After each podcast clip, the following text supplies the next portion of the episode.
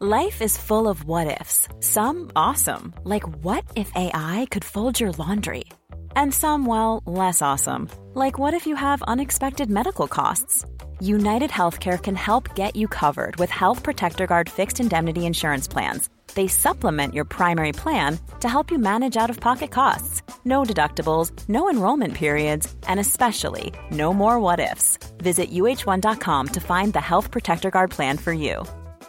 Quality sleep is essential. That's why the Sleep Number Smart Bed is designed for your ever evolving sleep needs. Need a bed that's firmer or softer on either side? Helps you sleep at a comfortable temperature? Sleep Number Smart Beds let you individualize your comfort so you sleep better together. JD Power ranks Sleep Number number 1 in customer satisfaction with mattresses purchased in-store. And now, save 50% on the Sleep Number limited edition Smart Bed for a limited time. For JD Power 2023 award information, visit jdpower.com/awards. Only at a Sleep Number store or sleepnumber.com. There's never been a faster or easier way to start your weight loss journey than with PlushCare.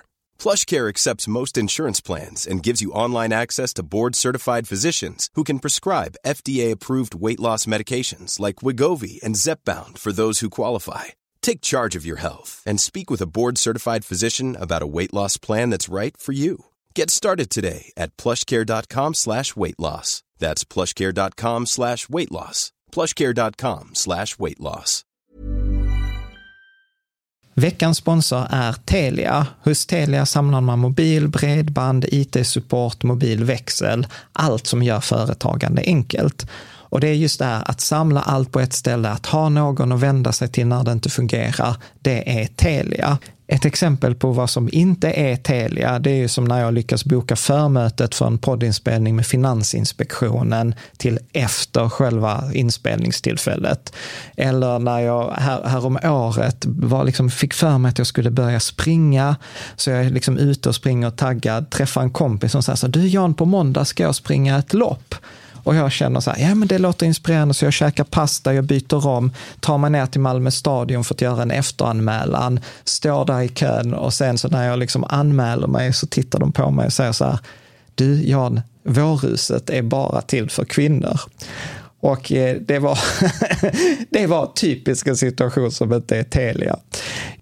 Oavsett, ett stort tack till Telia som sponsrar, gör Rika Tillsammans möjligt, men framför allt tack till dig som lyssnar, följer och eh, hänger med oss varje vecka.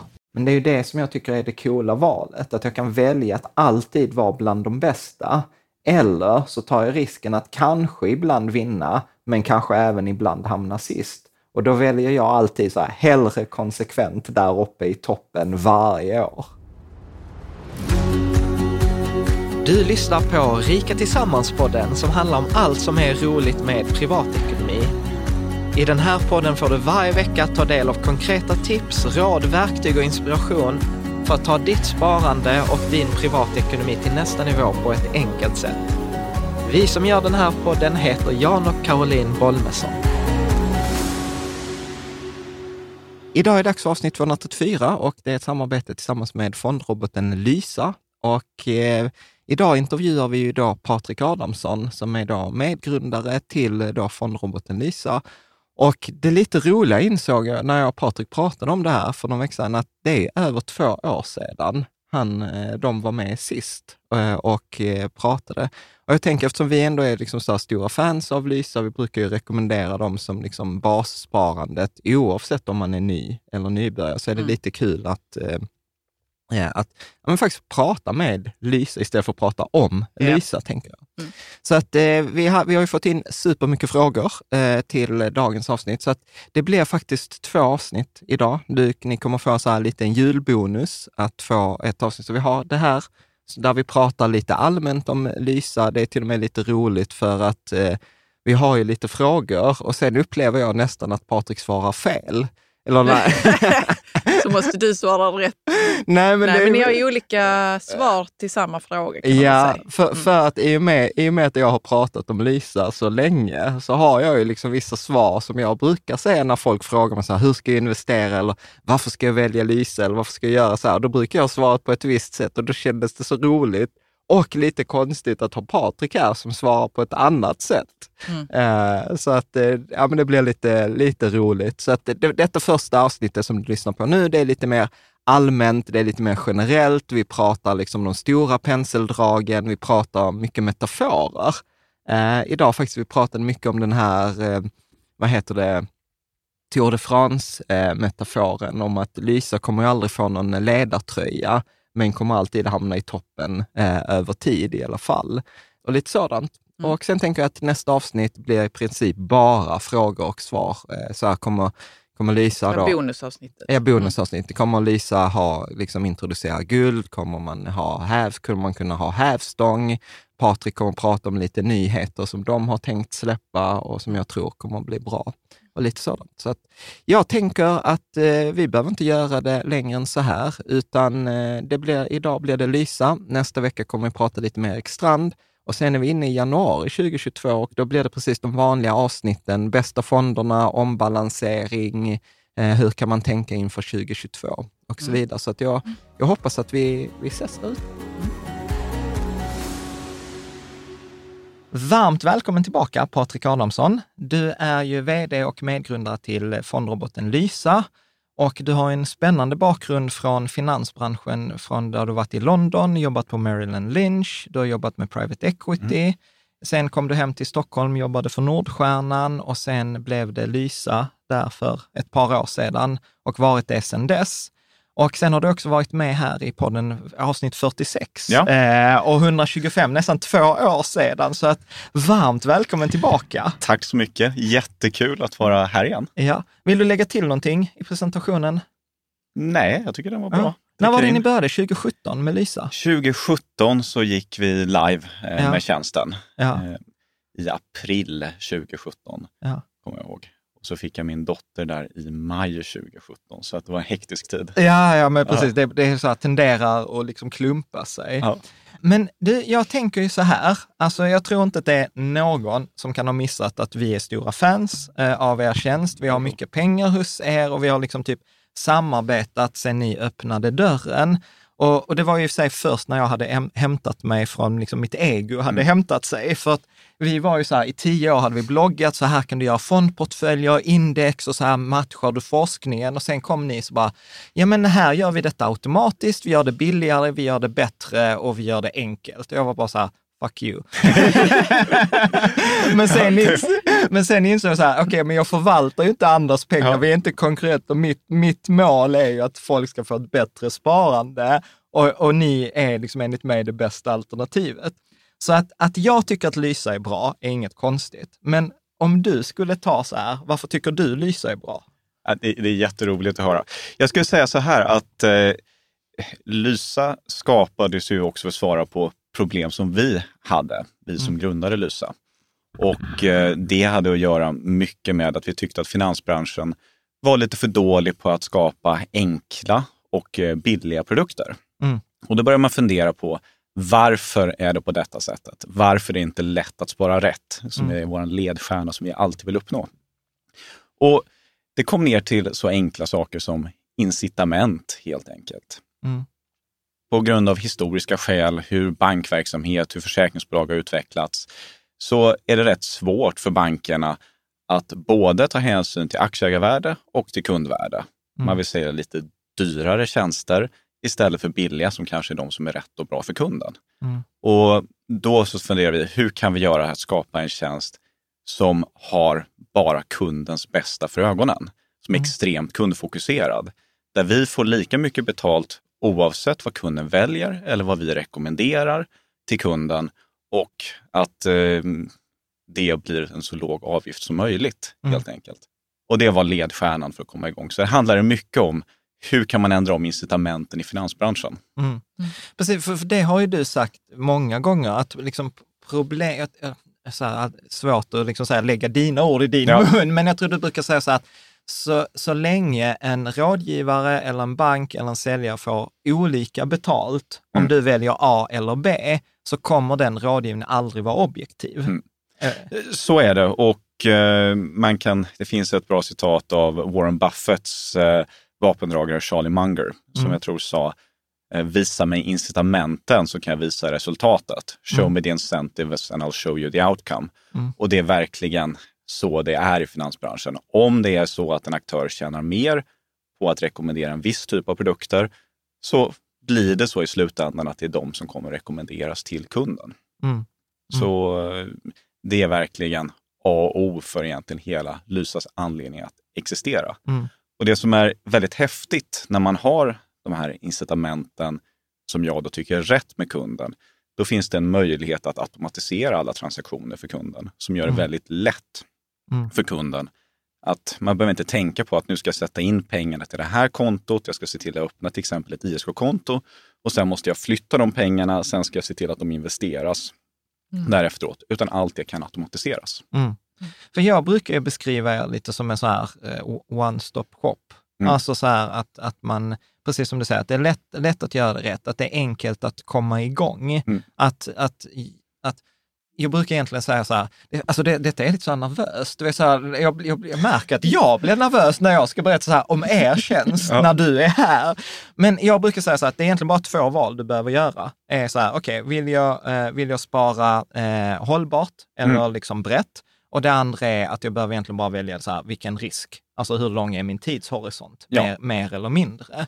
Och att det där har ju varit ett problem, för det får jag fråga ibland, så varför rekommenderar ni inte Avanza Nordnet? Så jag, för, jo, för att jag har hört från Avanza och Nordnet att många öppnar ett konto, sätter in pengar, men sen Mm. händer det inte så himla mycket mer.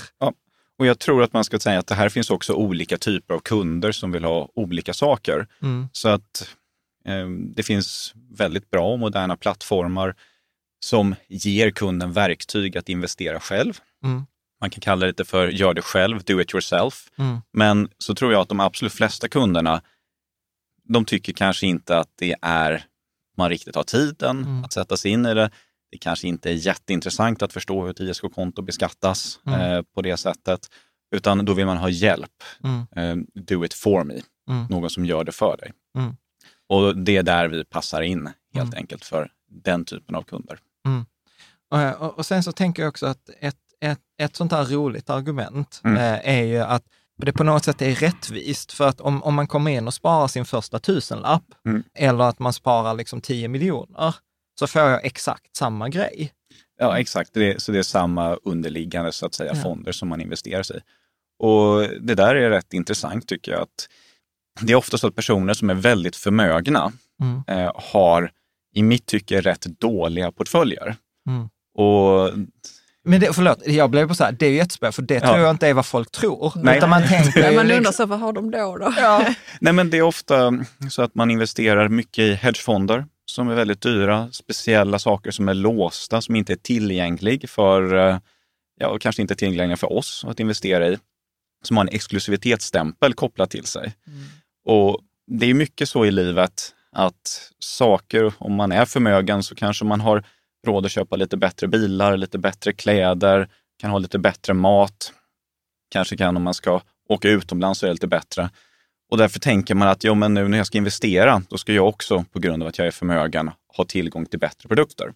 Men det är där det är väldigt roligt och väldigt positivt att de bästa finansiella produkterna är lågkostnadsprodukter Mm. som är tillgängliga för alla. Så att där fungerar det faktiskt tvärtom. Mm. Att ju mer exklusivt, ju dyrare det är, desto sämre brukar det bli för kunden. mm. Eh, och hur kommer det sig tror du då?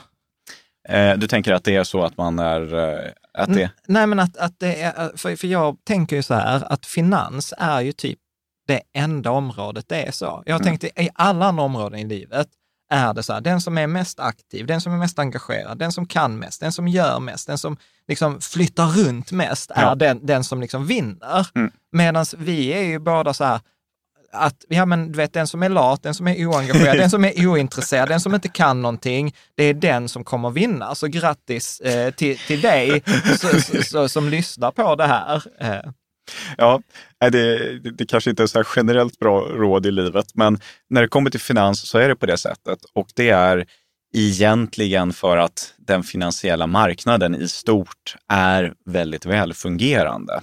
Och det kanske inte känns som det alltid när det går upp och det går ner, men i snitt över tid så fungerar den rätt väl med prissättningen. Och det gör att Ja, om det är så att du ska gå ut och köpa en aktie så är det inte bara du som säger ja, men jag är beredd att köpa den här aktien för 150 utan du tittar på vad den handlas i och då kanske det är 70. Och då finns det väldigt många experter som sitter och säljer och köper den aktien samtidigt som gör att jo, men den riktiga värdet är nog 70.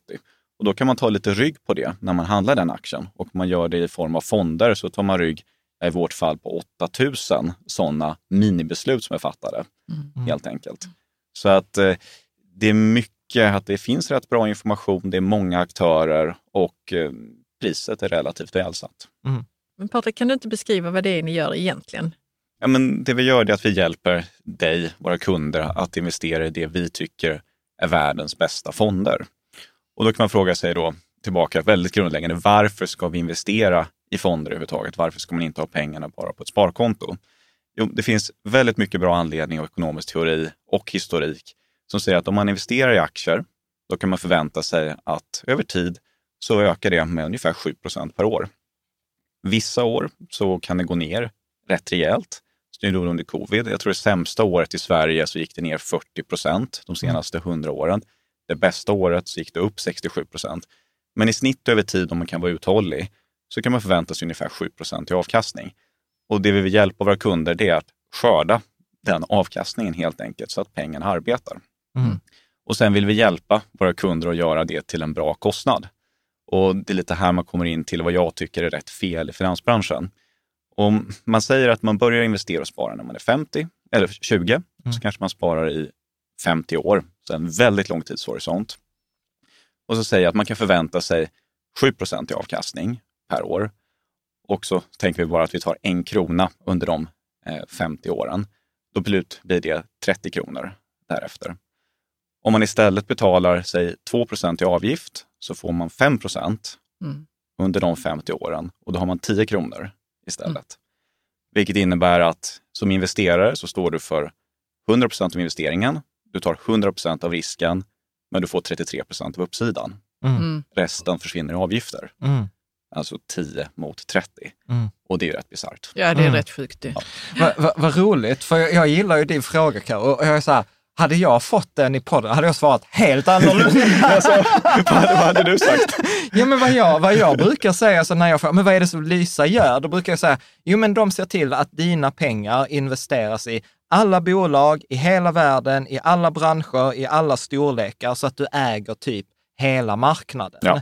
Eller en representation av eh, marknaden. Så att, och, och så brukar jag lägga till, då kommer vissa bolag kommer gå superbra, andra bolag kommer gå jättedåligt, men i helhet så kommer du få snittet för hur liksom världsekonomin, Ja. hur, hur den går. Och så brukar jag säga, och det är ungefär 7 procent.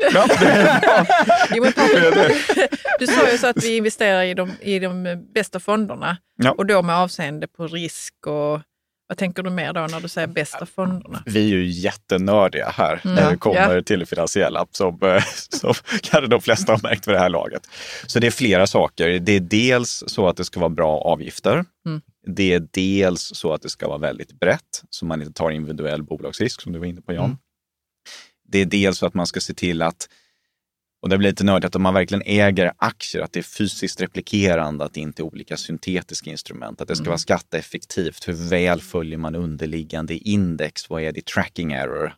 Det finns massor med sådana olika saker som Ja. man ska ta hänsyn till. Mm. Eh, och det tycker vi är jätteroligt. Ja, men men jag, har det- full, jag har full uppskattning för att de flesta inte tycker att det är jätteroligt. Men- men- och då kan vi lösa det åt dig. Ja, precis. Men, men, men om jag ska vara lite jobbig mot det Ja, ja. här då, eh, så, så tänker jag så här, för att när, när folk tänker, säger så här, de bästa fonderna, Mm.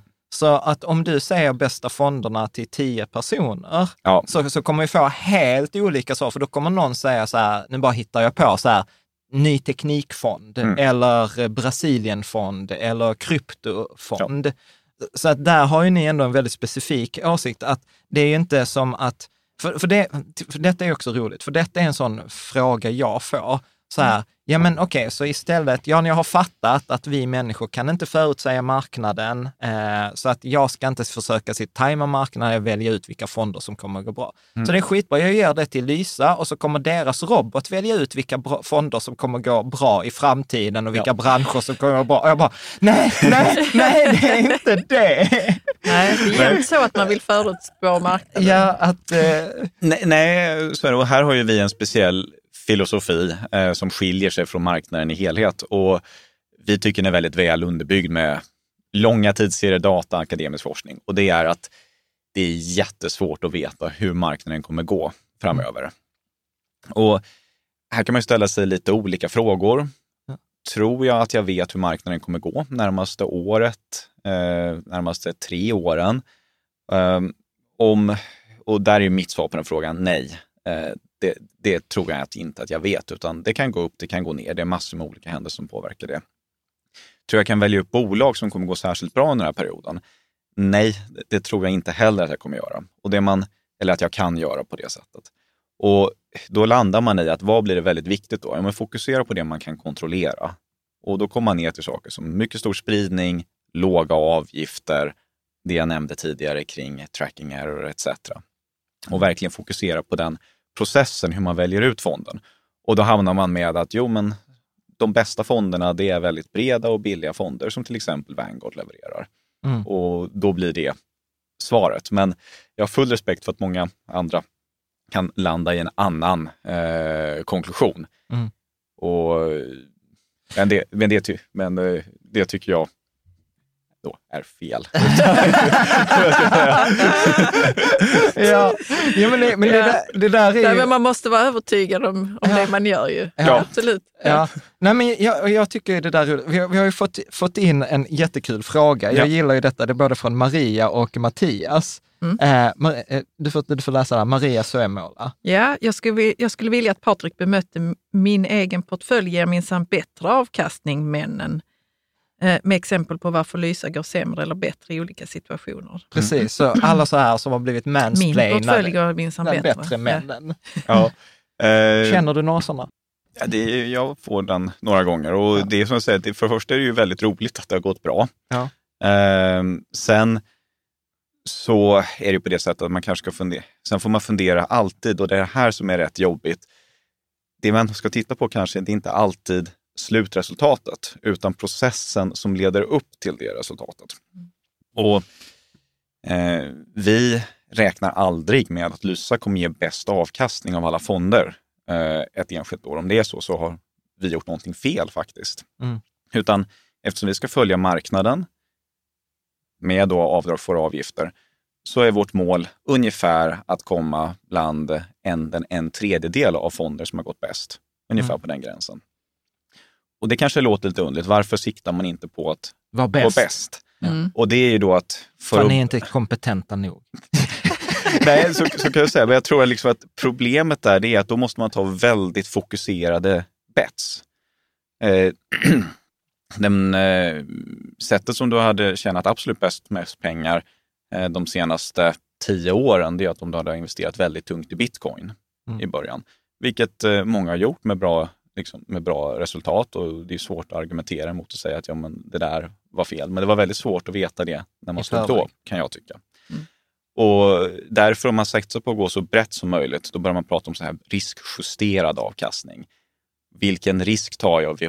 Vad får jag för resultat av det? Mm. Och då är det rimligt att säga att ja, men vi ska ligga bland topp en tredjedel mm. av liknande fonder som finns tillgängliga. Och sen så kanske jag ska prata lite mer om vad jag menar det här med att det viktigaste är inte slutresultatet utan det slut, viktiga är processen. Och det är, jag tror, ett exempel som jag tycker är rätt bra, det är att om man tänker sig ett eh, eh mindre svenskt fotbollslag som slår en engelsk storklubb. Eh, ja, då kan man ju titta på resultatet, säga att det svenska laget vann med 3-1. Men det svenska laget är absolut bättre än den engelska storklubben. Här har engelska storklubben ganska mycket att lära kring kost, tränare, kring hur man ska ja, lägga upp hela säsongen. Och mm. man bör nog börja fokusera då på det svenska laget och anamma det. Mm. Eller så kan man titta lite och se att jo, men den engelska storklubben hade ju 70 procent av bollinnehavet. De sparkade och det gick i stolpen fem gånger. Svenska laget hade kanske lite tur i det här. Och då kanske man bör se på flera olika matcher efter vartannat innan man kommer till konklusionen att vi ska liksom anamma en helt ny träningsfilosofi Mm. baserat på det svenska laget. Mm. Och det man ska då fundera på egentligen, är att man ska titta kanske inte då vad blev slutresultatet i den här fotbollsmatchen, eller när man Mm. investerar, utan vad var processen för att komma dit, Mm. som är det man kan kontrollera. Där man egentligen tar bort det här elementet av tur, Mm. eller försöker reducera det så mycket som möjligt. Mm. Nej, men jag håller med och det där är väl den jobbiga insikten, vi pratade om det lite innan vi började spela in, att det värsta som kan hända en invest ny investerare, det är att man tar ett riskabelt bett och lyckas med det. För plötsligt börjar man ju tro att det handlar om skicklighet Mm. Eh, och att det kanske inte var så mycket tur. Mm. Och jag menar, de, det är ju de roligaste gubbarna, ofta är det ju gubbar jag träffar då.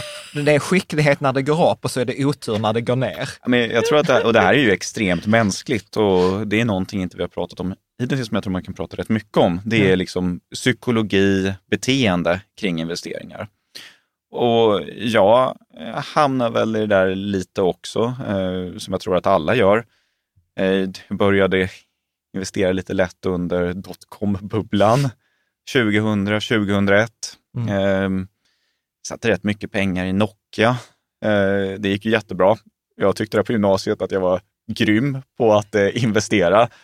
Och sen sa det poff, dotcom-bubblan. Mm. Och eh, då hade jag väldigt mycket i en enstaka aktie.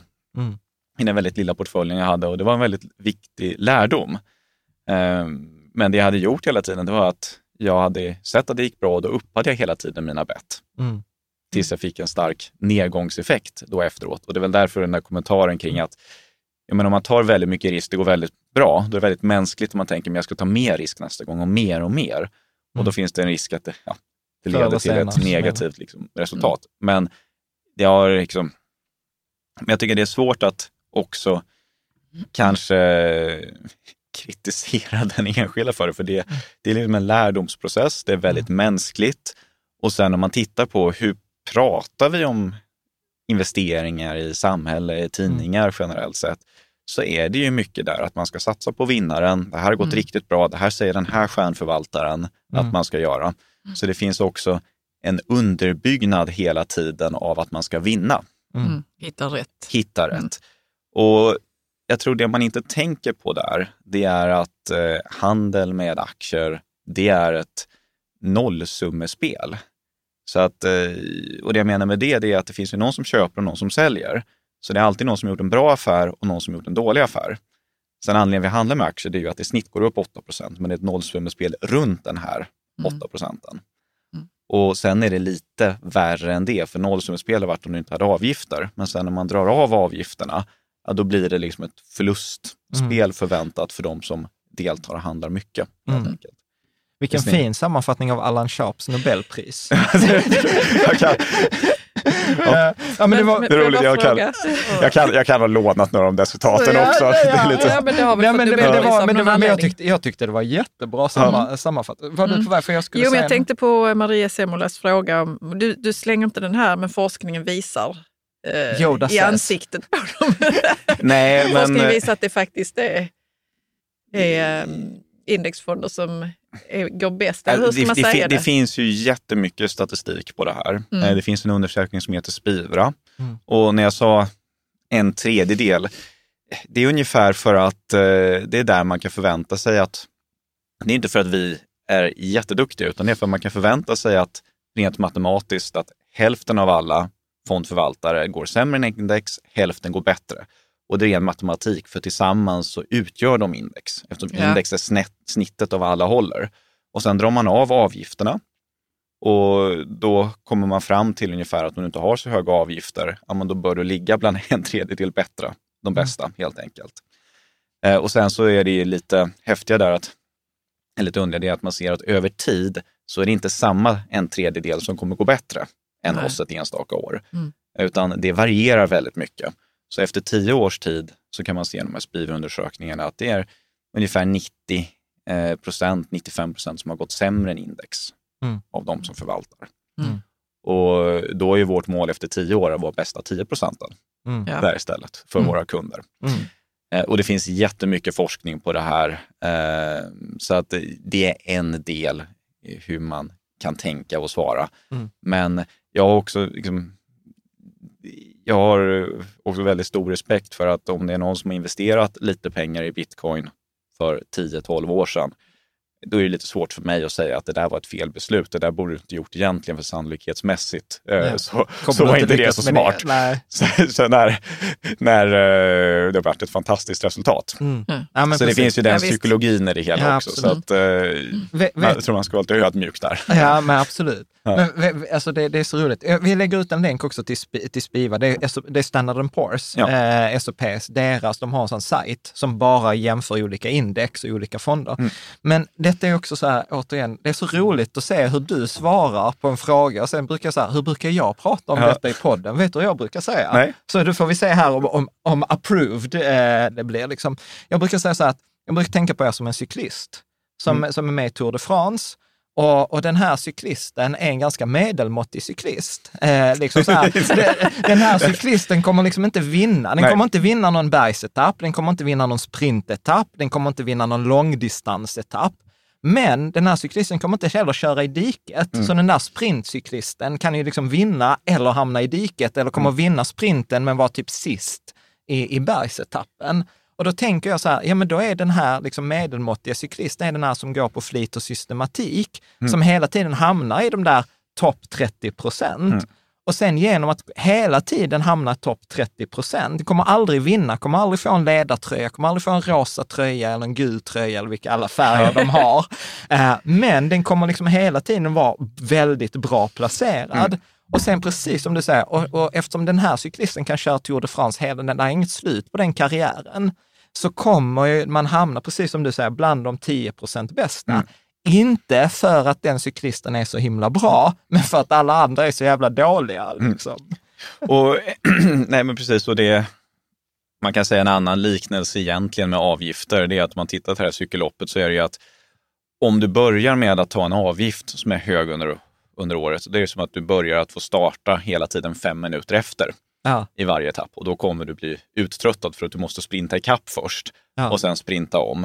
Och det kommer Mm. inte så många orka göra helt enkelt. Mm. Och så börjar du varje etapp eh, fem minuter efter. Vad, vad skönt, Ja. vi kommer bara ta den här metaforen till Ja, nästa. men Det ni Men- funkar. Men, men jag måste säga faktiskt, jag jag brukar faktiskt säga en sak till när jag får den här, för jag får ju också de här, eh, jag är minsann bättre männen. Eh, så brukar jag säga, men skitbra att du är duktig. Då brukar jag säga så här, vet du vad? Då tycker jag att vi gör en tävling. Sätt halva din portfölj i Lysa och sen sätter du halva din portfölj som förvaltar själv. Och så kan du tävla. Mm. Eh, och, och förlåt, och, och där, hade vi, där hade vi en läsare som mejlade också så här, ja Jan, jag lyssnade på dig för första gången för sex år sedan, du pratade om indexfonder. Och, och jag, liksom, jag gjorde så som du sa, att jag tog en del i en portfölj som jag liksom följde och sen gjorde jag själv. Och nu så här sex år senare så inser jag att den gick ju sämre än den där index, så nu är jag all in index. Ja. Men hon sa så här, det tog mig sex Det är år. dedikerat. Ja. Mm. Och man kan ju säga, ett annat sätt att prata om det kanske, det är att man tänker att det finns ju de som tycker det här är väldigt roligt också. Ja. Jag tycker det är rätt roligt nu har jag att eh, läsa på om olika bolag, så att det är lite här också ett Syndar nördigt du? intresse. Syndar Nej, jag gör du? inte det faktiskt. Jag har inte riktigt tid för det och jag har allt jag har i Lysas förvaltning. Men jag tycker det är kul med företag. Och, men det man kan säga då egentligen det är att generellt så kan man säga att den stora delen som man ska använda helt enkelt för att förverkliga saker i sitt liv och kunna nå sina mål, eller den här resan man vill göra eller det här sommarhuset man vill- köpa. Eh, där är det väldigt bra att ha den grundbulten i breda fonder där man helt enkelt försöker riskoptimera.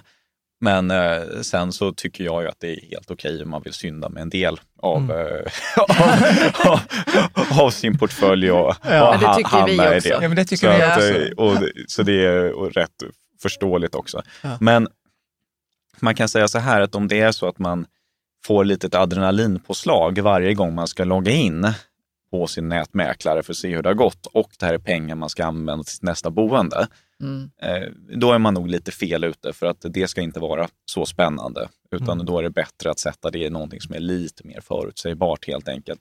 Så att man inte riskerar det här livsmålet på Mm. grund av att man satsar väldigt kraftigt på enskilda aktier. Mm. Nej, Men jag brukar ju tänka på det så här, alla fattar att om jag har ett hästintresse Mm. så kostar det mig pengar. Mm. Och så brukar jag säga så här, ja men har du aktier som intresse så är det också något som kommer kosta dig pengar. Eh, sen är det också sanning med modifikation, för du kommer ju få de där 7 procenten över tid. Ja, men du kommer förmodligen liksom över tid få en mindre avkastning än om du hade haft Mm. indexfonderna. Men då har du ju fått betalt i känsla, i att du har historier, du har fått göra det tillsammans med andra, du har fått dela med dig. Så där är en massa. Mm. mervärde som man liksom betalar. Det, För det, hobbyn, men man tänker oftast inte på att ekonomi kan vara en hobby. nej, utan, Nej, att utan det ska, man ska maxa liksom. Ja, Mm. ja men precis. Men om jag, om jag får ställa en så här jobbig fråga, Mm. som jag tänker, eh, för någonting som jag har tänkt på på sistone mycket, vi har haft mycket diskussioner både i avsnitt och i vår Riket Tillsammans-community, är ju att där finns ju områden där marknaden inte är lika effektiv. Mm. Alltså att till exempel små bolag eh, eller liksom nischade marknader eh, eller eh, liksom, till exempel att vissa, vi pratar ju ofta om småbolag till exempel och då är småbolag ofta, i, som i er värld, så är småbolag så här, det är flera miljarder Mm. eh, i, ändå i marknadsstorlek, medan du vet många så här börsnoteringar som kommer upp, alltså de dyker inte ens upp i Mm. Bloomberg. Mm. Hur, hur tänker du, är du så här lite fundamentalistisk kring, eh, kring att marknaden är effektiv? Men Så tänker jag ändå, du har ändå jobbat med private equity. Så du, hur, hur, är, hur är din syn i där marknadseffektivitet? Nej, nej, det är den inte. Utan jag tänker att när man pratar om effektiva marknader och i dess renaste form så tänker man ju på en marknad där all prisinformation, all information reflekteras i priset. Mm. Och så är det ju inte. Nej. Utan det finns absolut missprissättningar Mm. eh, som sker. Eh, mer i mindre bolag, absolut oftare i onoterat än i noterat miljö. Men det är väldigt svårt att identifiera när de här inträffar. Mm. Sen kan det ju vara så att man är väldigt eh, duktig inom ett specifikt område där man kanske har sin karriär och har en möjlighet att identifiera en sån möjlighet. Eh, och då tycker jag absolut man kan försöka fånga den möjligheten, givet att man på någon form av empirisk grund faktiskt har väl ett informationsövertag Mm. inom det här området. Men sen ska man nog vara hela tiden vara ödmjuk för att ja, men det kan också vara så att jag har fel i den här analysen, så Mm. man ska inte heller gå all in på den. Nej men Det- precis, precis, för det tänker jag också så att, att för er, eh, för jag gissar att vi kommer komma in på det, för det har varit en av de populäraste frågorna, så här, du vet smal, eh, liksom, kommer ni täcka liksom, alla småbolag på Stockholmsbörsen? Och jag är så här, alltså jag kan svara åt eh, Patrik, så här, nej det kommer inte att gå, för att liksom, det är för mycket kapital, Mm. liksom bara en sån grej. För, för jag menar, liksom, är man lite fundamentalistisk kring att marknaden är effektiv, då är det som att säga så här, om man går ute och så ligger det en 20-lapp Mm. och så, så säger liksom professorn så här, nej det är omöjligt för att om det hade legat en 20-lapp så hade någon plockat upp den. Ja. Men så är det. och, och jag tänker så bara, nej, det där är tillfällen man kan plocka upp. Ja, absolut. 20. Sen, sen tror jag inte man ska basera sin sparfilosofi på att man ska gå och hitta liksom, Det tappade 20. 20-lappar som, som ligger där heller, utan då ska man ha någonting som är lite mer strukturerat eh, och genomtänkt med en process bakom. Ja. Och då är det brett, billigt, rätt risk som gäller. Eh, jag, jag tänkte så här, jag kollade på våra gamla anteckningar för när du var Ja. här för Spännande. hu- hun- 200 avsnitt sedan nästan, eller tre, ja, fyra år sedan. Just och då hade ni ett förvaltat kapital på 500 miljoner. Mm. Får, får man fråga liksom, eh, hur det har gått sedan dess? Var ligger ni idag? Vi, vi, eh, det har gått bra eh, och det är rätt häftigt att se vilket förtroende vi har fått från eh, kunder att förvalta pengar eh, Mm. för dem. Så att idag har vi 17 miljarder Mm. som förvaltas, så en bra bit upp från den halva miljarden vid det Mm. tillfället. Mm. Och vi har ungefär 85 000 betalande kunder, Mm. vilket om man, jag tänker på det så här, vilket är lite häftigt, att det blir en procent av Sveriges vuxna befolkning Mm. lite grovt, för att vi är ungefär 10 miljoner, säg att det är ungefär en och en halv miljon som inte kan bli kunder för att de är 18 eller under. Mm. Och 8,5 miljoner, då blir det Ja. ungefär 1 procent. Och ännu roligare, man tänker då månadssparande, hur många månadssparar verkligen med ett autogiro? Mm. Och det är ungefär eh, två tredjedelar av Mm. våra kunder, vilket gör att fler än 0,5 procent av alla svenskar kör ett månadssparande, oftast på sin lön, genom Lysa. Ja. Och det känns jättehäftigt, jätteroligt. Det är liksom få saker med Lysa jag blir så glad som när jag tänker på det. Ja. För vi tycker också fundamentalt att man borde spara mer pengar Ja. än vad vi gör Ja. eh, idag eh, generellt. Så att, eh, det är, men det är ju jättekul, för jag tänker också så här att all, alltså det, är, det är ju lätt att när man lyssnar på vår podd och man har hängt det, liksom så här, man har intresse för ekonomi, så tänker man att alla andra har det också. Mm. Men t- vad är det, Avanza har väl hållit på i 20-25 år Mm. snart och de har typ en miljon kunder Mm. totalt. Eh, så att det är en jättestor eh, andel. Eh, hur, hur, hur ser, så här, det var en sån här fråga jag fick också, hur ser den genomsnittliga liksom, Lysa-kunden ut? Ehm, Det är jättesvårt att eh, svara på, för det finns egentligen kanske inte en genomsnittlig, väldigt typisk kund. Jag tror man kan tänka på det på det här sättet, att det finns de som vill absolut göra det här själva. Mm. Eh, De blir inte riktigt kunder hos oss. Mm. Sen eh, som vi sa tidigare, att om man då handlar väldigt aktivt så tror jag kanske man, det har varit bättre kanske om man hade varit kund hos oss. Men, men det finns en del som liksom, det, det är lite utanför så att Så säga. kundgrupp. finans-Twitter är inte er kundgrupp. Nej, eh, Nej. Det, så, så, så är det.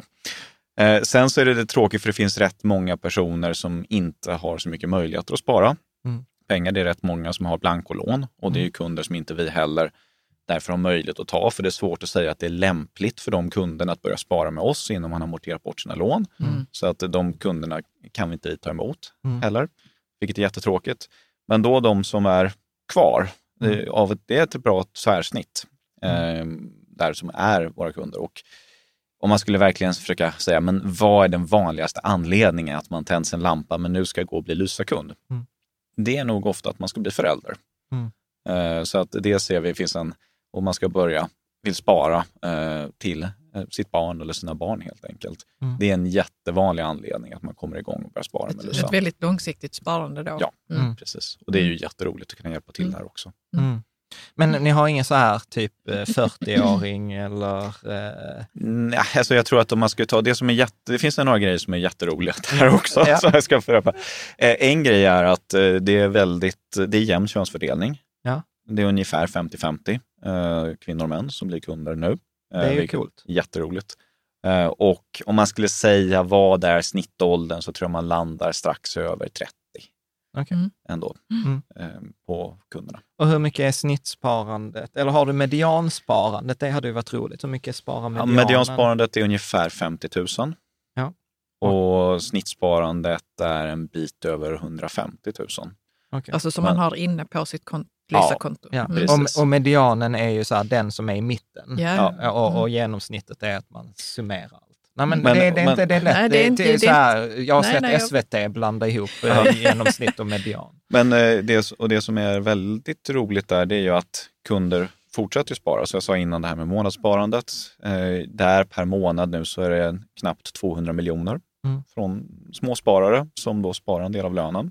Och Hur mycket har ni slått ut det per, per sparare? Med Eh. också median och genomsnitt. Ja, det är ungefär, du tänker på sparandet där, det är Ja. ungefär 2000 kronor per person. Mm. 1,5 till 2000 kronor. Mm. Och där är det inte någon, det är ingen som månadssparar jättestora siffror, utan eh, där är nog medianen och genomsnittet rätt lika Mm. på det sättet. Utan om man har väldigt stora insättningar så brukar det komma som engångsinsättningar.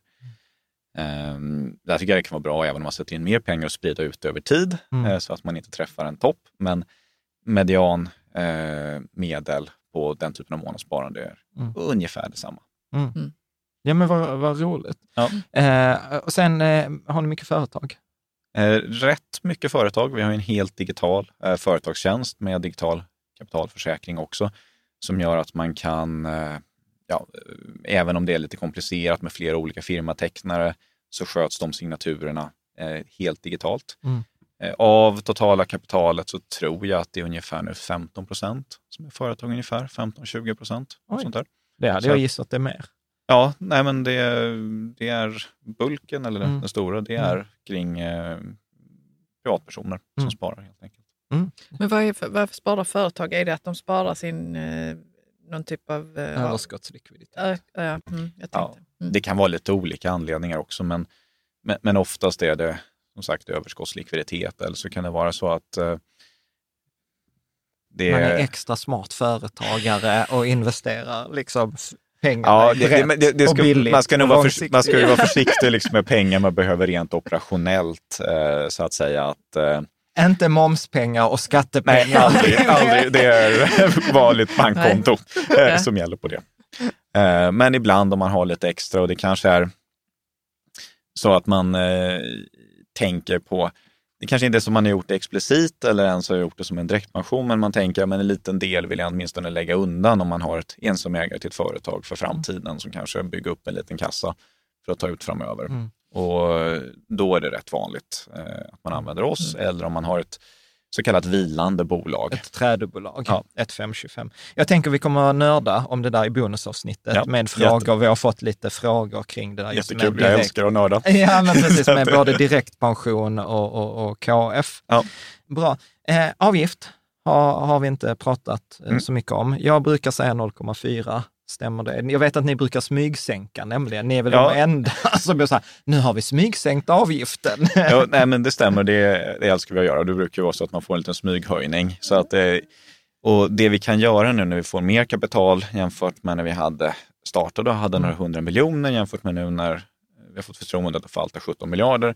Det är att vi kan vända oss till olika fondleverantörer, säga nu är vi lite en större aktör eh, som är hos er.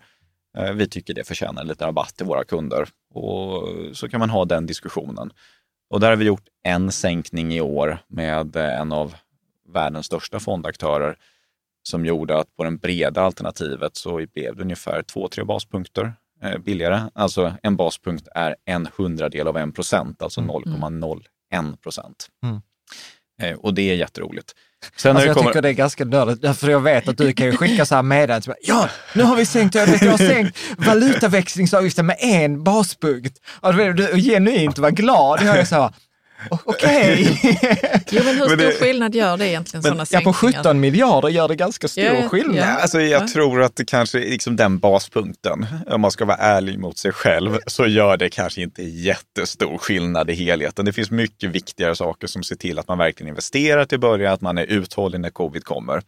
Men det handlar liksom lite om en filosofi. Mm. Kan man göra saker lite bättre idag än vad det var igår? Mm. Och om vi hela tiden kan göra små förbättringar, om du låter det gå några år, då kommer vi vara rätt mycket bättre då. Mm. Så man vill inte stå still. Mm. Och 0,4 på avgiften, det har vi som ett, om man räknar in vår avgift som är då max 0,24 procent Mm. och de underliggande fonderna, då vill vi inte det ska gå över 0,4 för vi ser det lite som en ja, hygienfaktor nästan. Och det är att vi hoppas att vi ska ingå, få förtroendet att ingå en långsiktig relation med våra kunder, kanske 20-30 år. Um, jag har inte så lång data än, men om man blir kund så verkar man gilla det och sätta in Mm. mer pengar. Och då blir det ju några procentenheter av sparkapitalet under den tiden som blir vår totala avgift. Och det där ska inte gå över eh, några procentenheter helt enkelt. Om det är så att man tar 2 i avgift eller mm, då kanske det kommer upp att det är 40 procent under den tiden som har gått i avgifter, vilket är ju helt horribelt. Jag läste Så ju att- någonstans att det är så här hedgefonder som kör 2 över 20, Mm. som är ganska vanligt i USA. Då har du efter 15 år tagit över halva kundens kapital. Ja. det är så här brilliant. Ja, det, liksom, är, det- det är eh, perverst. Det är, eh, det är rätt trist och det har ju funkat så under rätt lång tid. Nu Ja. tycker jag att det är kul för man ser ju att över tid är avgifterna på väg ner. Mm. Här i USA är aktörer som Vanguard och Blackrock, eller i USA har Vanguard och Blackrock gjort mycket för det.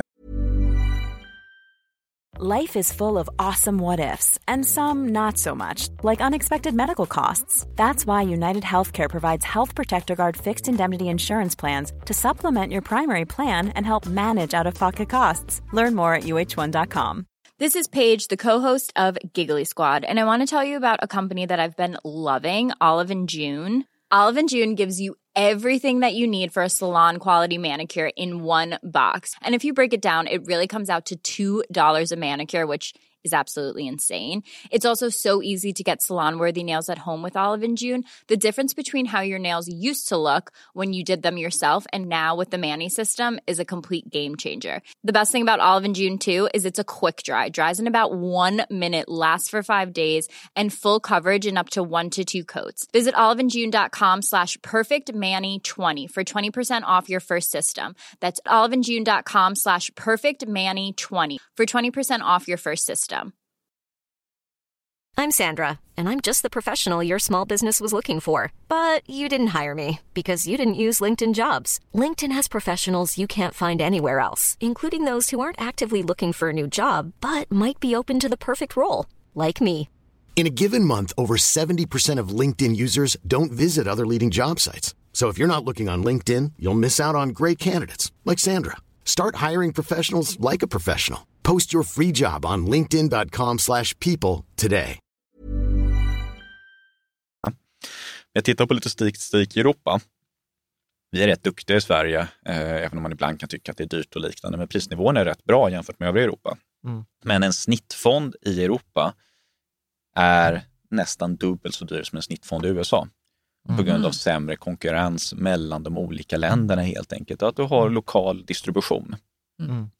Och det är väl det som är ett stort mål för oss för framtiden, att också kunna ta oss till andra länder och hjälpa till och sänka avgifterna och göra det lättare att spara rätt även i andra länder. Mm. Och där är vi igång nu både i Danmark och Finland med plan att i nästa år också dra igång i Tyskland.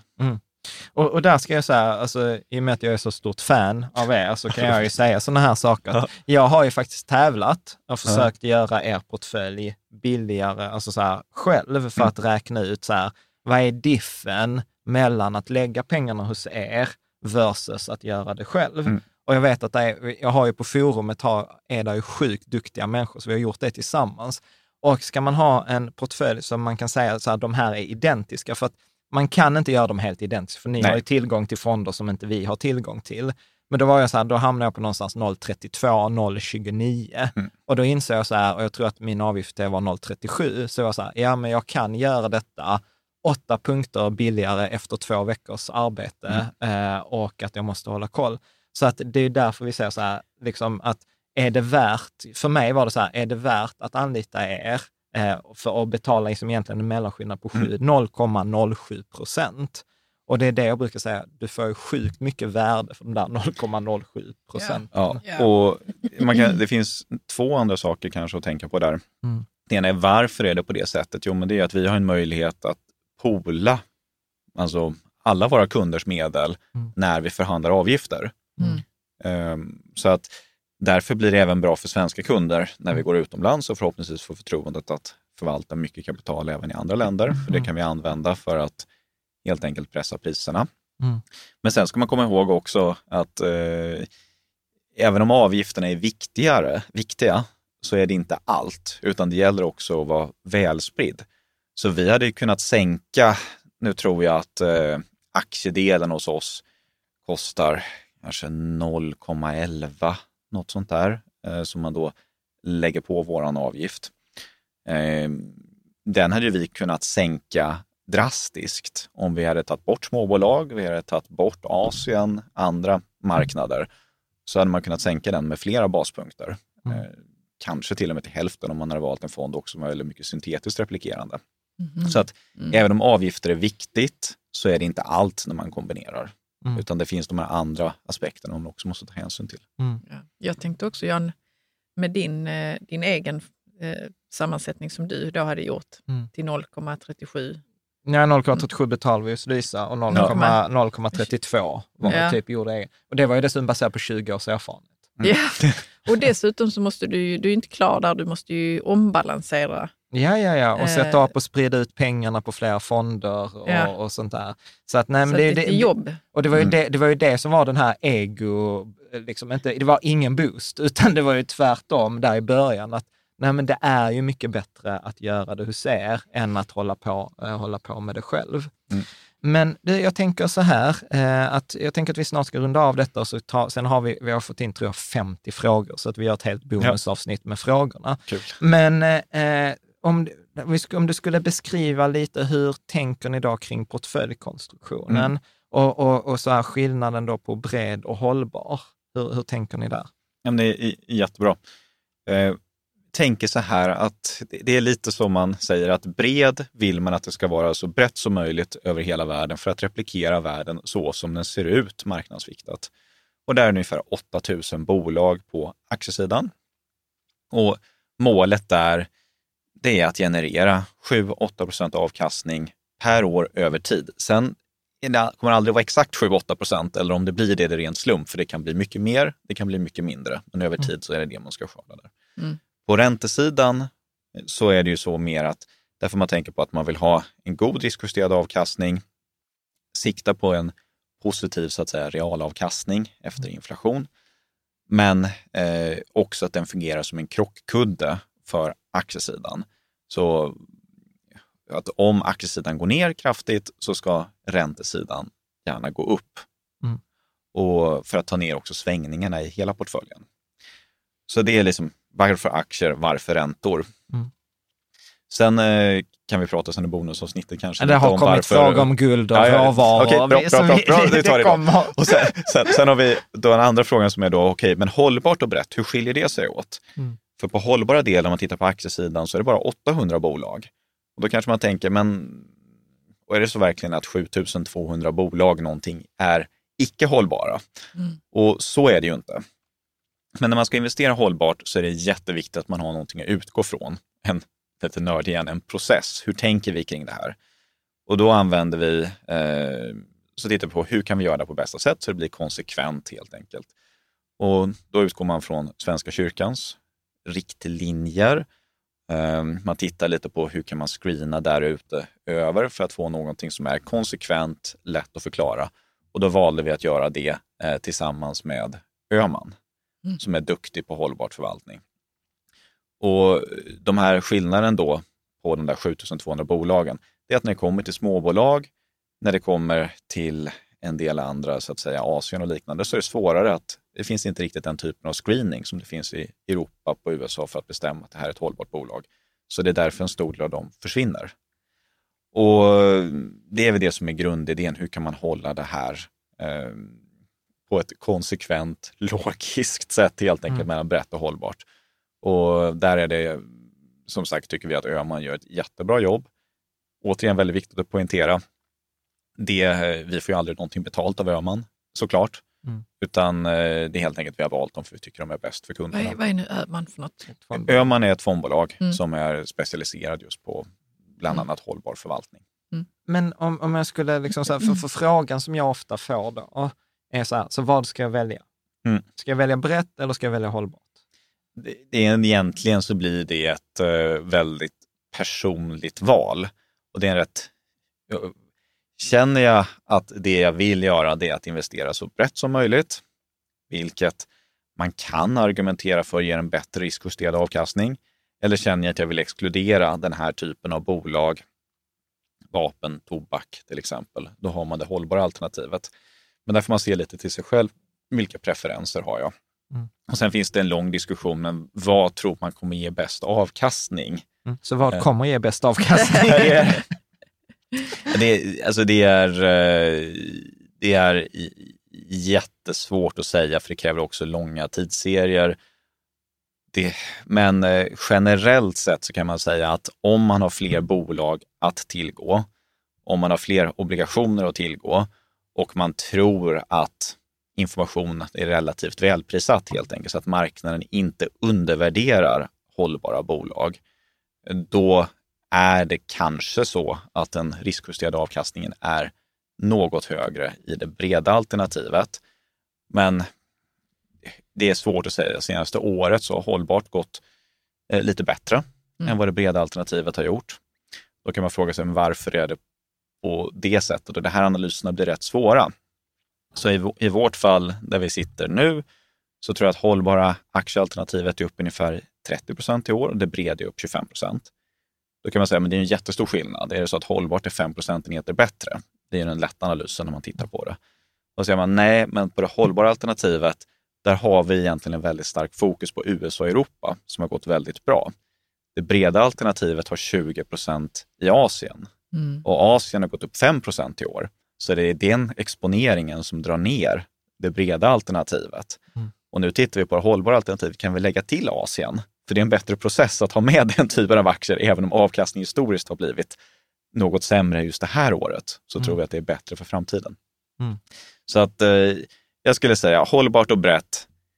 Rent teoretiskt, ju fler bolag, desto bättre riskjusterad avkastning om man tror på att information är relativt välreflekterat och att inte hållbara bolag då kommer, är underprissatta Mm. relativt till andra typer av bolag. Mm. Eh, Men det är ändå ett personligt val och där kan man lägga till kanske att just att investerar man hållbart, man kan se på det här sättet, investerar vi hållbart för att uppnå en effekt eller investerar vi hållbart för att få bästa möjliga avkastning? Mm. Och om det är att vi investerar för att uppnå en effekt, då kanske det är okej. Så att en grön obligation har ju normalt sett en lägre ränta än en obligation som ska finansiera någonting som inte är grönt. Mm. Och då är det kanske lite undligt som investerare att förvänta sig att jag ska nog få högre avkastning på den gröna obligationen som just har en lägre ränta för den ska Mm. finansiera ett grönt projekt. Mm.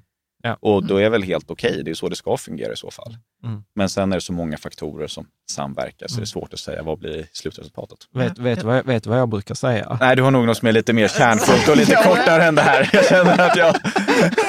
Nej, jag tyckte ditt svar var jättebra. Det, är så här, det var facit. Mitt svar är så här, du behöver inte välja, du kan ta både och. Ja, och, så, kan- och så du kan ha liksom så här, har du 10 000, lägg 5 000 i hållbart, 5 000 i det breda. Det kan man göra, fast då, då, då tappar man ju det här valet mellan brett och hållbart, om det är därför du investerar i hållbart, just för att undvika det breda. Ja, men, att- men, men jag, jag gillar ju så här, investera i min strategi. Så här, jag ska försöka ta så få svåra beslut som möjligt. Ja. För, för att jag menar, så det där är ju ett kaninhål Ja. som man verkligen kan hoppa ner i och man kommer ju inte komma fram till ett tydligt svar. Nej, ungefär som jag gjorde efter monologen. Var, Nej, men, det var, men jag, tänkte, jag tänkte fråga, just det här valet, Mm. rätt eller hållbart, det dyker ju upp eh, när man är beredd att öppna ett konto, eller Ja, hur? ja. Mm. Kan du inte bara berätta lite om hur man gör det, om vi har några nya? Jättebra. Och Läsa. man kan säga, för det här är då blir rätt filosofiskt eh, också, hur ser man på hållbara investeringar mot breda investeringar? Och det är en sån här sak som jag brukar bli rätt irriterad på. Mm. Ehm, och jag kan säga, generellt tycker jag finansbranschen har varit rätt dåliga här. För man har gått ofta mot att tävla i vem är bäst på aktiv förvaltning. Det har varit svårt att vinna den, så att de har gått över att tävla vem är bäst på hållbarhet. Och eftersom vi är bäst på hållbarhet så ska du betala lite mer för den här hållbara fonden. Så en viktig princip för oss var att hållbart och brett ska kosta ungefär lika mycket. Mm. Eh, Det ska inte vara dyrare att investera hållbart. Så det Så var att incitamenten är rätt. Ni har inte något incitament i att putta någon i någon av Nej, dem. precis. Vi tjänar samma oavsett, men även att totalen ska inte gå över de här 0,4. Vi pratade om tidigare, även om man lägger till de hållbara. Och, så det är jätteviktigt. Och sen när man får det här alternativet, då står det brett, det står hållbart. Och då är frågan, hur gör man det så enkelt som möjligt för någon att välja hållbart? För de här diskussionerna brukar bli rätt svåra. Hur tänker man kring hållbarhet? Vad menar du? Godis, är det icke hållbart eller inte? Ja, men då måste man ha ett ramverk att förhålla sig till. Och istället för att behöva läsa på en lång lista med olika hållbarhetskriterier så finns det egentligen bara en switch att man drar, ja men nu vill jag att det här kontot ska vara hållbart och sen så ändras det om allting på kontot klockan fyra, normalt Ja, ja. en bankdag, Mm. till hållbart. Mm. Så att eh, jätteenkelt val, det här klassiska man har på Mm. telefonen, liksom vänster och höger helt enkelt. Mm. Mm. Man sätter igång en toggle. Jo, men, men jag, jag tänker ju så här, någonting, jag har ju retat, retat dig på sistone för det där. För när man ska bli kund hos er, Mm. så är det så här, man går in på lysa.se och sen så trycker man bli kund och så följer man liksom processen. Mm. Men så sa jag det när, när vi hade i förra avsnittet, när vi pratade om det här, att jag hade varit iväg i Stockholm och filmat med Hanna Pi och så sa, frågade ju de mig, här, och där var ju typ ingen var över typ 25 förutom jag och Hanna. Och, och så sa jag så här, ja men ni kan ju ta Lysa. Alla öppnar telefonen och så är så här, ja men eh, det finns ju inte. Jag bara, va? Så ligger de nere? Nej, men jag är inne i App Store. Lisa är inte med där. Så där, där, där var en sån här fråga som vi kan ta. Kommer det komma en app någon gång? Ja, vi, jag, vi, någon gång så kommer det komma en app. Och så kan man fråga, varför finns det inte en app idag? Ja. Och vi började ju rätt scrappy och vi är fortfarande rätt liksom scrappy. Jag är ju smålänning i hjärtat. och, och, då funderar, och då vill man gärna satsa lite gradvis. Ja. Eh, det vi har valt att göra hittills det man kallar för mobilt webb. Det Mm. betyder att allting är utvecklat för mobilen. Sen funkar det på en stor skärm också, men det ser lite snyggare ut. Det är lite enklare att använda faktiskt på Mm. mobilen när man går in på Safari eller Chrome eller Brave eller om man använder och skriver lysa.se. Sen om man också vill ha en app och drifta det parallellt, eh, då behövs det helt enkelt lite fler duktiga utvecklare som kan jobba med det också, så man ser till att man kan fundera lite på hur släpper man saker parallellt, så att det inte är så att tjänsten blir väldigt olika i appen eller jämfört med hur det ser ut på webben. Eh, Så att eh, det kommer vi göra. Vi vet att det är någonting som är väldigt efterfrågat bland våra kunder. Eh, Så att det kommer vi släppa. Sen vill vi kanske inte att kunden ska logga in och titta på den här appen varje dag. Och det kan jag förklara varför man inte ska göra. Men det blir ändå enklare att komma åt det. Och eh, kanske också för nya användare som då tänker just App Store eller Android Store. Mm. Det, var Det är så här vi börjar bli gamla, Patrik. Ja, Men samtidigt har ni tittat eh, på vilka som vill ha den här appen och då är det inte bara unga människor Nej. utan det är Nej, men vi, Precis, vi, det, vi- vi gjorde en kundundersökning. Vi fick jättebra feedback från våra kunder för någon vecka sedan och tittade lite där på ålderskategorier. Och det var ju lite mer populärt bland yngre kunder, men det var också populärt bland äldre kunder. Så att, eh, som en förbättring. Så att därför är det jätteviktigt. Mm. Jag kanske ska säga där varför man inte ska logga in varje dag, som man vill uppmuntra folk att inte göra. Men var det inte också, du berättade i tidigare avsnitt, att ni hade när ni började folk som loggade in varje dag och du var så här, vad gör de inne tre gånger om dagen? Liksom. Ja, eh, det, det händer. Det finns eh, några som gör det. Eh, och det ska ju vara lätt att logga in, eh, det ska man göra, men vi uppdaterar ju bara så att säga eftersom det är fonder en gång per dag. Och det är ju en lite mer långsam tjänst. Det är ju inte det här adrenalin, nu går marknaden upp och ner, tradar etc. som jag tror är jättedåligt att hålla på med generellt sett, liksom den typen av daytrading. Men jag kan förklara varför, eh, för att, eh, jag kan nog sagt det här någon gång tidigare. Men om man ska göra det lätt för sig själv, 51 procent av alla dagar går börsen upp, Mm. 49 procent av alla dagar går den ner och sen är vi jätteglada för den extra procenten som gör att det går upp lite oftare än vad det går ner. Men om man är som jag så tycker man det är lite jobbigare när man får en förlust. Mm. Så att om det går ner 3% så är det jobbigare än när det går upp 3 Och där finns rätt mycket forskning kring förlustaversion som man kallar det. Mm. Vilket gör att i snitt så gör det ju ondare när det går ner de här 49 procent av alla dagarna än vad man blir glad när det går upp de här 51 procent. Och sen loggar man in varje dag så slutar man året som en mer olycklig människa. Ja. Helt enkelt. Så att det, det är liksom i, för den här mycket mer långsiktiga investeringen, då ska man inte logga in och titta på det varje dag. Ja. Nej, och inte Så- pilla på det. Det är väl det också. Ja. Man ska Nej. inte hålla på. Men Nej, nu måste jag det- fiffla ni- med det här. Men ni spärrade ju det sen ett tag, för man kunde ju typ ändra den här hur mycket aktier och räntor man ville ha. Det- Och kunde ändra flera gånger om dagen. Nej, det, det, var, det var, man drog det väldigt mycket upp och ner så gjorde vi det faktiskt. Sen så tog vi bort den spärren igen för att eh, det, det är ju trots allt så att säga kunden som fattar val med, med sina Ja. pengar. Men eh, det var just också för att hjälpa kunden till det där att det här är inte tänkt som ett verktyg att tajma marknaden går upp och ner. Men där har ju vi ett jättestort ansvar som jag tycker vi kan också bli väl bättre på. Att hur ser man till att man är långsiktig när det väl går ner? Mm. Och där tycker jag är jätteroligt för men, vi tittar rätt mycket på vår andel av fondflöden i Sverige. Man brukar prata om netto eh, marknadsandel, eller marknadsandel av nettofondflöden. Alla insättningar minus alla uttag, vad är vår marknadsandel? Och där ligger vi i snitt nu på 5 procent, vilket är jätteroligt. Men när vi ser när börsen går ner kraftigt, som den gör i september, då ökar vår marknadsandel. Mm. Och det är för att det är färre personer som tar ut Mm. hos oss än hos andra aktörer och det är fler som fortsätter sätta in. Mm. Och det är ju jätteroligt. Men det är också så hos oss att en del tar ut mer. Och då får man ju fundera på vad det är. Är det så att kunden har gått in med lite fel förväntningar så Mm. vi kan bli bättre på att informera? Eller är det så att eh, man har tagit en, kanske en risknivå som är lite mer än vad man tycker att, eller vad man kunde klara av? Och då brukar jag alltid säga det att om det är så att man blir lite nervös och liksom i värsta fall får svårt att sova när det går ner, då kanske man har för mycket risk och då är det helt okej, då ska man dra ner på risken också i det fallet. Ja. Jag, jag vet inte, detta, detta är en sån här grej. Jag vet inte, om du- har du hört talas om den här Fidelity-studien? Det säger, detta är en sån här, jag har hört det flera gånger, men jag har aldrig hittat den själv. Det Att- låter så mystiskt. Ja, men det, är, men det är därför jag inte vågar referera till den som Ja. en studie. Men att det sägs att de gjorde en sån här analys på sina kunder och så hade de en kundgrupp som var så här sjukt mycket bättre än alla andra kundgrupper. Mm. Och så det gjorde man så här analys. Det handlade inte om utbildning. Det var en viss korrelation på ålder, Mm. eh, men det var liksom inte mängd kapital, det var liksom Men en, bättre hur då? Alltså med, med mycket högre avkastning. Ja, mycket högre. Och avkastning. Fidelity är en är, det är som Avanza, som Ja. Avanza Mm. i, i USA. Och då var det så här att det den här kundgruppen som var mycket bättre än alla andra hade gemensamt, det var att de alla var döda. Jaha, de hade... De, eh, Så hade de var passiva. Ja, men de var passiva Ja. på riktigt.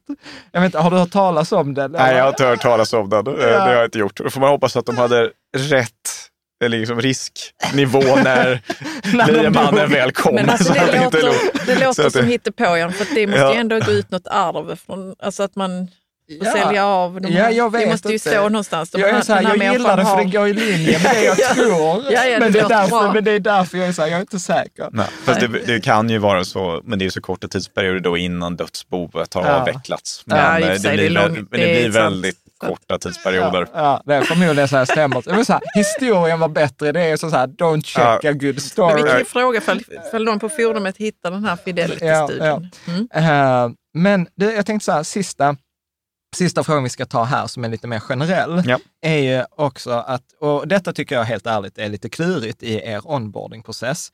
Det är ju så här, vad ska man välja? Alltså så här, hur stor del aktier ska man ha och hur stor del räntor ska, ska man ha? Mm. Eh, och sen vet jag så här att när man går igenom er frågebatteri Mm. så får man liksom ett, ett förslag. Eh, hur, hur, tänker, hur tänker ni där? Så ska jag säga hur jag tänker sen. Eh, jag ska säga, generellt sett det frågebatteriet man får, Ja.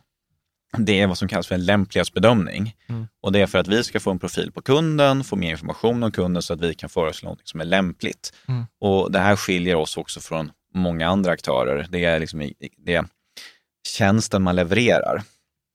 Så att i det enklaste fallet så är det execution only, alltså att man bara handlar. Sen finns det rådgivna situationer och sen finns det portföljförvaltning, diskretionär förvaltning, där man tar ansvaret för att sköta det åt kunden på och dess vägnar. Ehm, och det gör att vi behöver samla in rätt mycket frågor om kunden för att kunna göra, vår modell ska kunna göra ett bra förslag helt enkelt. Mm. Ehm, sen kan man alltid göra det här lite enklare, Mm. så kanske det du är inne på. Ja. Misstänker jag. ja, men jag, jag, Men, eh, jag, jag brukar ju säga så här, 10 procent i aktier per år i sparhorisont.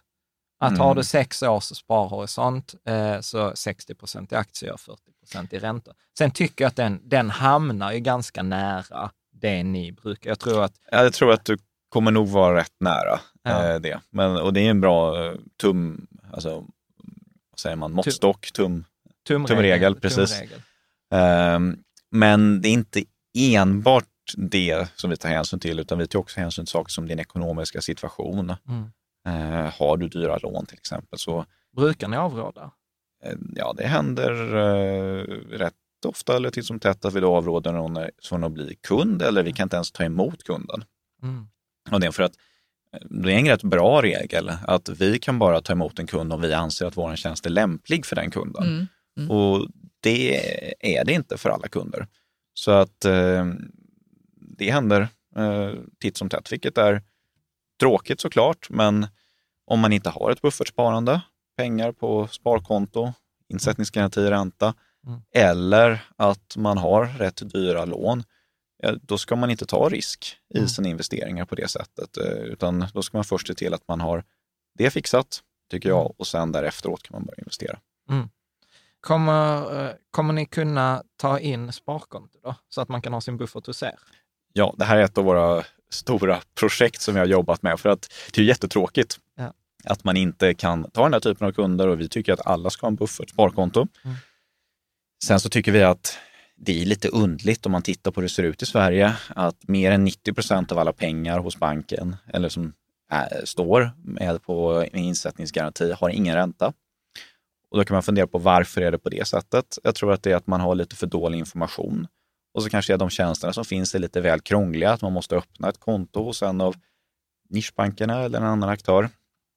Det går inte att sätta in det kanske med Swish eller göra det på ett enkelt sätt eller koppla ett månadssparande precis, till ja. det. Mm. Och sen så kanske räntan ändras där och då känner man att man måste byta. Så där har vi ett nytt sätt att göra det där vi tar hand och hjälper pengarna att få ränta eh, med hjälp av ett konto hos oss eh, som vi håller på och testar nu. Vi vet inte exakt när vi kommer släppa det, men om man vill vara med och hjälpa oss att testa det så får man gärna skicka ett meddelande i inloggat läge. Eh, så ser vi till att eh, när det finns lite mer information så får man den. Mm, kunna Mm. Och det är helt enkelt för att man ska kunna få tillgång till en schysst ränta med insättningsgaranti på ett enkelt sätt. Det där är ju jätte... Jag Ja. trodde du skulle svara nej. Vi har inte sparkonto, så jag blev lite så här... Nej, det här, För du har svarat det, du har svarat det i alla år. Men det, här, det, det händer rätt mycket hos oss just nu, eh, vilket är jättespännande. Och, Men- just det här att kunna hjälpa med den delen av ekonomin också. Eh, det, är alltså, det är jätteviktigt för Jo, oss. men det, för detta tycker jag är så här sjukt spännande. Ja. För, okej, jag trodde vi skulle avrunda här nu, men nu kom det en massa nya frågor. Ja. Men okej, så, så att jag fattar rätt. Så det blir egentligen så att jag har ett virtuellt sparkonto hos er och jag sätter in pengar där, till exempel 3 miljoner, och sen fördelar ni det på tre sparkonton med tre insättningsgarantier. Ja, det, det, det är den målet som vi vill eh, röra oss mot Ja. helt enkelt. Sen, Ja, Ja. förlåt. och eh, även om det är mindre pengar än det, att man då sätter in det och kan fördela ut det hos olika aktörer. ehm, Och få mer än 0 procents ränta. och få mer än 0 ränta. Eh, Men Det, vad ska räntan vara ungefär då? Det, va- Tänker ni? det kommer variera lite. Så Mm. det kommer, om man tittar på vem är det som ger högst ränta nu, och det varierar rätt ofta, så kanske det är någon som ger 1 ränta Mm. eller någon annan ger 0,9. Sen brukar det variera lite, för det beror på om man behöver ha in eh, pengar just nu eller om man vill få in kunder. Eh, och sen så kan den räntenivån ändra sig över Mm. tid. Så att då kanske man får ett meddelande att nu är det inte 1 utan att det är 0,7 eller 0,6. Mm. Mm. Och där har vi tänkt att vi ska hjälpa till också kring det. Så att vi kommer inte vara ränteledande på det sättet. ni kommer utan- återigen, inga, inga gula tröjor, inga rosa tröjor, utan det kommer vara den här medelmåttan. Ja, och sen eh, så att eh, det kanske kommer ligga någonstans efter våra avgifter och liknande. Men vi får se exakt hur det blir, kanske 0,4 procent, något Mm. sånt där. Mm. Sen så kanske det blir högre över tid. Eh, Ja. Kanske blir någonting annat. Men det här är någonting som vi håller på helt enkelt försöker föra till världen nu helt Mm. enkelt och börjar med det man kallar liksom en testversion, körde internt. Jag satte in Mm. pengar på det själv förra veckan. Mm. Eh, för, så att det, det var en jätterolig milstolpe. Vi hade en liten firande på kontoret Mm. eller kontoren, vi har ju Mm. två kontor. Och eh, målet är att få ut det eh, så att säga under nästa år. Och då vill man ju jättegärna ha personer som hjälper till och testar och kommer med feedback och förslag Ja. kring det. Och som sagt, om man skickar ett meddelande i inloggat läge Ja. så... Alltså, jag, ty- Ja, jag tycker detta är skitcoolt. eh, för att, alltså så här, jag ser, alltså så här, jag brukar ju rekommendera Lysa till alla. Mm. Eh, och även liksom så här, majoriteten av våra läsare kanske liksom har mindre summor. Alltså Mm. man har kommit igång, vi har till och med studenter som börjar på tusen Ja. kronor och har en på någon hundralapp. Mm. Eh, och och där, där ska jag faktiskt eh, också säga ett trick. Detta vet Ja. jag inte, men jag, jag får ibland kommentarer så äh, men eh, jag är student, jag vill komma igång med tusen kronor är minsta insättning. Men det var någon som skrev att om man går via bankgiro så kan man sätta vilket belopp som helst, till Ja. och med en hundralapp. Ja, det, det stämmer. Och eh, jag kan bara säga anledningen för det, vi hade jättegärna velat sänka den ännu mer. Mm. Eh, men vi har ju rätt låga avgifter, så på 1000 kronor så är ju våran avgift på en årsbasis eh, 2 kronor. Mm. Och eh, för varje insättning, om det är Swish eller liknande, så betalar vi eh, lite till Swish eller om det är till bankgirot eller liknande. Så att det är bara för att se till att vi inte får, vi hoppas kunna ändra det här framöver, massor med små insättningar Som kostar som pengar. bara så att säga som blir förlustaffärer, för det blir Mm. inte hållbart för oss heller på det Nej. sättet. Men det kommer nog ändras framgent när det blir mer effektivt med insättningar, det blir billigare och då hoppas vi kunna sänka den där. För jag tycker att det vore jätteroligt om det kunde vara mindre än 1000 kronor. Mm. Mm. Eller 200 kronor på månadsspar. Bankgiro funkar, där kan man sätta in hur Mm. låga Ja. belopp man vill. Men för, för, för att komma till min poäng, Mm. vi har ju även de som har väldigt mycket pengar, Mm. alltså som är mer i liksom FIRE-läget, att man är ekonomiskt fri. Ja. Och då brukar jag säga, min, min så stående grova rekommendation utan att veta någonting, då brukar jag säga så här, fem årsutgifter på ett bankkonto och sen brukar jag säga 25 årsutgifter i Lysa 50-50. Mm. 50 procent aktier och 50 procent räntor. För då kommer det generera en årsutgift i genomsnittlig avkastning. Mm. Och då betyder det, liksom, och det har varit ett problem för flera, så det kan man, vissa tycka så här, gud vilket lyxproblem att fördela till exempel 5 miljoner Ja, men har du liksom 5 miljoner, till och med 10 miljoner hade vi en, en bekant, du vet, då är det ett problem. Ja. Alltså på, på riktigt. Att hur Mm. placerar jag 10 miljoner på bankkonto med insättningsgaranti?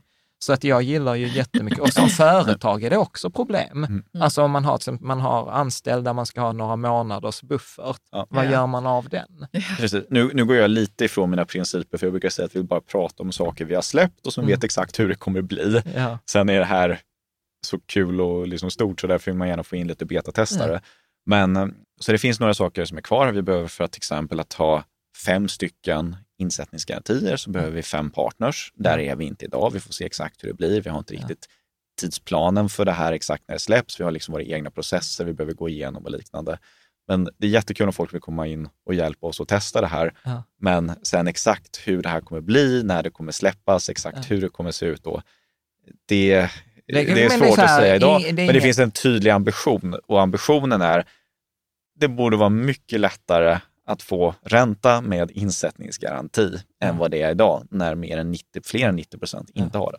Ja. Nu, vi, vi, vi måste verkligen så här, vi ska runda av. Men Ja. kort, kommer jag kunna få välja att ha, sätta in pengar att jag kan ha 100% aktier och bankkonto i så fall? Så jag kan, för jag vet att det är många här Ja, det- som är nördiga. Det kommer vi ta i nästa avsnitt med räntor. Ja, alltså, som, som det är tänkt just nu eh, så kommer man ju då ha ett konto, med, det är så jag har det just nu på, på mitt. Eh, så kan man ha ett sparkonto och sen skulle man kunna ha ett annat konto då med 100 aktier. Mm. Nu inte jag, tycker inte jag att det är en bra idé, eh, utan jag tycker att man bör ha räntor. Det finns ju de som säger, men räntor, då kommer inte ge någon avkastning överhuvudtaget. Så det är bättre att sätta det liksom på ett sparkonto, de pengarna. Eh, Och jag förstår argumentationen. Samtidigt så har ändå räntedelen hos oss gett en bra avkastning historiskt. Mm. Eh, och det finns också anledning att ha den som exponering mot realobligationer som är inflationssäkrade Mm. i den. Så att jag tycker liksom det enkla rådet 100% sparkonto, 100% aktier, det köper inte jag. Ah. Eh, Utan jag tycker man ska ha Då får, obligationer det, då, också. f- då får det bli en cliffhanger, för, så, kan vi, så kan vi diskutera det i bonusavsnittet. Eh, jag tänker så här, eh, är det någonting som Karo eller Patrik som ni känner så här, nu när vi har haft det, det mer allmänna avsnittet om Lysof, sen tänker jag att vi ska ta typ 50 läsarfrågor. är, är det någonting, roligt. ja, är, Jag det, har inget att fråga nu. ja, är det någonting du tänker så här, detta borde vi ha tagit upp? Nej, inget speciellt Ja. faktiskt. Då ska du få en skitjobbig fråga. Okej. eh, som vi alltid ställer. Eh, vi började ställa det efter att du var här. Okej, så- Det hade inte med dig att göra, Ja. utan vi kom på Ja. frågan. Sämsta rådet i finansbranschen? Eh, sämsta rådet i Som du, har, som du har finansbranschen. hört. Ja, det- jag ska bara tänka igenom lite. Jag tror liksom att det sämsta rådet i finansbranschen det är att köpa strukturerade produkter på grund av att det ger någon uppsida och skyddar din nedsida. Eh, ingen privatperson, jag skulle nästan kunna säga institution också, ska, borde någonsin köpa en strukturerad produkt enligt mig. Ja. Det är liksom, nej. Det, är spännande, det- du är först med det. Och jag håller, I, I concur. Jag, håller- jag håller Jag tycker det är svårt att veta vad en strukturerad produkt är. Ja, det tycker jag också. Det är det som är lite problemet i det hela. Ja, men det är det som kallas Så- för SPAX Ja. innan, eller Mm. strukturellt. Du säger så här, ofta gillar de f- sälja detta, eh, så här, lite udda finansiella rådgivare som säger så här, ja, eh, du, får, du får tillbaka garanterat liksom denna insatsen under de här villkoren och du får denna uppsidan. Men grejen är så att du får antingen mycket lägre av, liksom, avkastning och betalar jättehöga avgifter och det är jättesvårt att förstå många av de här breakaway-nivåerna och villkoren. Ja. Ja. Det är skit. Och- och Produkter jag- man det- inte förstår det Ja. kanske. Ja, och speciellt då strukturerade produkter, för de är nästan alltid bra för den som utfärdar den och dålig för den som köper. Det är liksom, Sen, sen upplever jag att de har ju passerat sin storhetstid. Alltså för typ 5, 6, 10 år sedan var det Ja. jättestort. Det finns en del kvar fortfarande, men eh, det är bra för det blir, verkar vara färre och färre och det är också någonting som... FI har ju slagit ner så in Ja. i bomben på det. Mm. Till just, alltså det är flera rådgivare som har fått indraget tillstånd Ja. efter Ja. att de har sålt eh, Ja. finansiella produkter. Jag kan köra, får man köra på med en till? Ja, ja, ja, ja, ja, absolut. Det- Nej, men en annan grej skulle jag säga att om man ska tänka på att betala avgifter, då ska man inte betala mer än 0,4 procent. Ja. För det tar upp för mycket av sparandet över tid. Ja. Mm. Så det är en enkel tumregel. Liksom. Det ska inte ligga över 0,4. Om det gör det ska man hitta ett billigare alternativ. Ja, Ja, jag håller med, det är roligt. Ja. Eh, och folk säger så här, och detta är så roligt, för jag, men Jan, det bör, säger du bara för att Lysa har 0,4 procent i avgift. Ja. Och jag är så här, nej, titta på avsnitt sedan liksom 2015. Ja. Jag sa det också, det är en jättebra, jättebra tumregel. Nej, och så är det. Och sen så kanske den 04 kommer vara 03 om Mm. några år. Men, eh, men om man tittar på 04 över tid så är det där som jag tycker smärtgränsen. Liksom. Ja, men vet vad? Precis. för? Ja, men jag skulle säga, jag skulle till och med säga 04 för en hel portfölj. Mm. För jag skulle annars säga, liksom, till exempel, om du tar en enskild globalfond, då skulle jag säga 02. Mm. Alltså att för, för idag så har priset pressats Mm. eh, på, men, men det är fortfarande, precis som du säger, det är svårt att bygga ihop. Alltså ska man ha med småbolag, ska man ha med emerging markets, alltså tillväxtländer, alltså då är det svårt under 02, utan då är det 04. Ja, Mm. precis. Så att eh, där tycker jag liksom 04 är en bra, en verkligen liksom bra Ja. eh, riktning att gå för själva liksom, portföljförvaltning, för fonder, liksom hela den Ja. förvaltningsbiten. Ja. Så Ja, men precis. Snyggt! Du Patrik, stort tack. tack Eh, själva, eh, jätteroligt. Ja, men eller hur? Eh, Ja. Det, jag bara tänker så här, detta är så här metaforernas avsnitt. Eh, Vi har inte tagit, vi har inte tagit fotbollsmetaforen, men det får vi Nej. ta.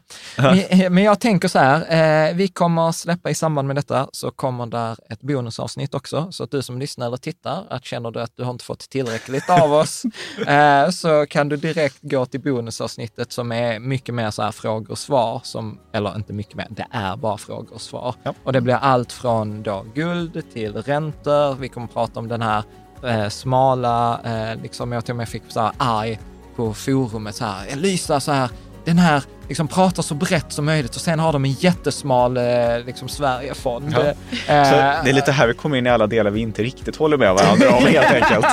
precis, precis. Så ett stort tack, eh, stort tack Patrik och tack, Tack till dig som har lyssnat Tack. och tittat. Tack.